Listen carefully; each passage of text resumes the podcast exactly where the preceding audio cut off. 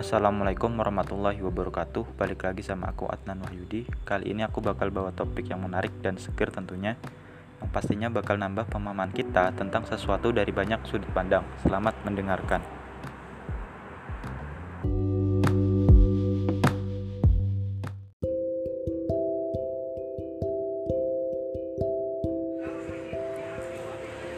Berikut tulisan dari Zara Fitria.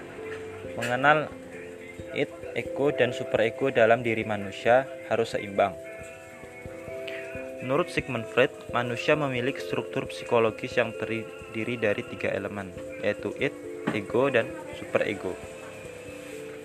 Ketiga hal tersebut saling terpisah, namun tetap saling berinteraksi.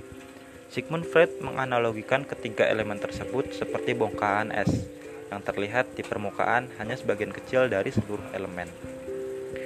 1. It mengenal kebutuhan alamiah manusia. It merupakan hal yang mendasari personalitas seseorang. It dapat direpresentasikan sebagai kebutuhan dasar alamiah. It bekerja dengan menganut prinsip kesenangan. It mencari kepuasan secara instan terhadap keinginan dan kebutuhan manusia. Apabila kedua ini tidak terpenuhi, seseorang dapat menjadi tegang, cemas, dan marah. Contoh kasus, di tengah acara makan malam, Sinta haus, namun gelasnya sudah kosong. Daripada menunggu pelayan mengisi ulang gelasnya, dia mengambil gelas Pak Budi di seberang meja lalu meminumnya. Contoh 2. Andre terjebak macet saat pulang kantor. Ia hanya ingin motornya bergerak. Ia marah pada situasi itu, lalu memaksakan motornya melaju ke depan tidak peduli bahwa dia mematahkan kaca spion orang ketika mencoba untuk mendahului mobil-mobil di depannya. 2. Ego, cara menghadapi realita. Ego berurusan dengan kenyataan atau realita, berusaha memenuhi keinginan it dengan cara yang dapat diterima secara sosial. Misalnya, dengan menunda kepuasan dan membantu menghilangkan ketegangan yang dirasakan it jika keinginan tidak segera dipenuhi. Ego mengerti bahwa orang lain juga memiliki kebutuhan dan keinginan. Oleh karena itu, menjadi egois dalam jangka panjang bukanlah hal yang baik.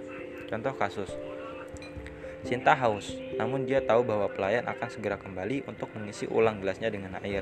Jadi dia memilih untuk menunggu meskipun ada keinginan besar dalam dirinya untuk minum dari gelas Pak Budi yang ada di seberangnya. Contoh 2.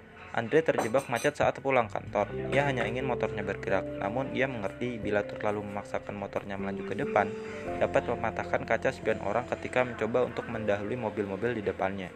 Jadi Andre memutuskan untuk tidak menyalip mobil di depannya. 3. Super ego, aspek moral yang diterima secara sosial.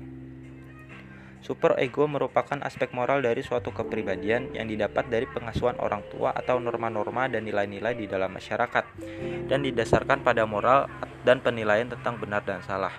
Meskipun super ego dan ego dapat mencapai keputusan yang sama tentang sesuatu, alasan super ego untuk mengambil keputusan lebih didasarkan pada nilai moral, sedangkan keputusan ego lebih didasarkan pada apa yang dipikirkan orang lain. Contoh kasus, Jojo ingin mencuri kamera milik temannya yang memiliki kesempatan dan bisa melakukannya tanpa ada yang tahu.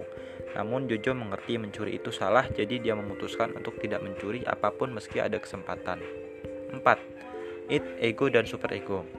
It, ego, dan super ego bekerja bersama dalam menciptakan pola perilaku manusia. It memberi tuntutan kebutuhan alamiah, ego membatasinya dengan realita, dan super ego menambahkan nilai-nilai moral pada setiap tindakan yang diambil.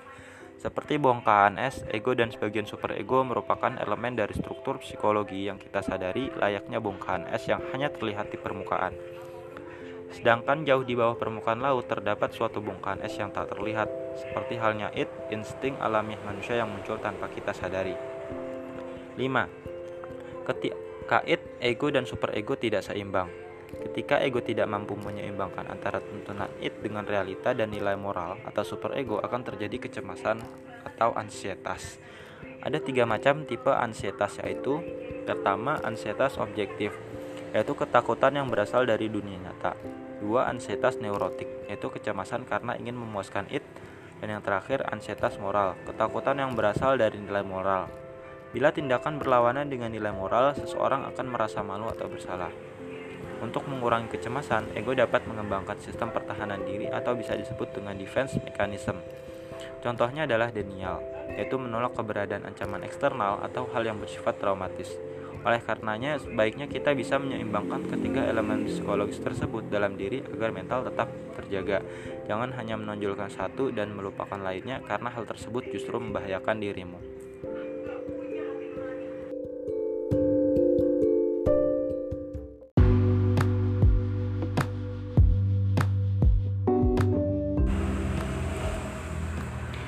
Mungkin kali ini aku cukupkan, semoga bermanfaat. Ada kurangnya dari aku semata, ada lebihnya itu dari Tuhan. Sampai jumpa di lain waktu. Wassalamualaikum warahmatullahi wabarakatuh.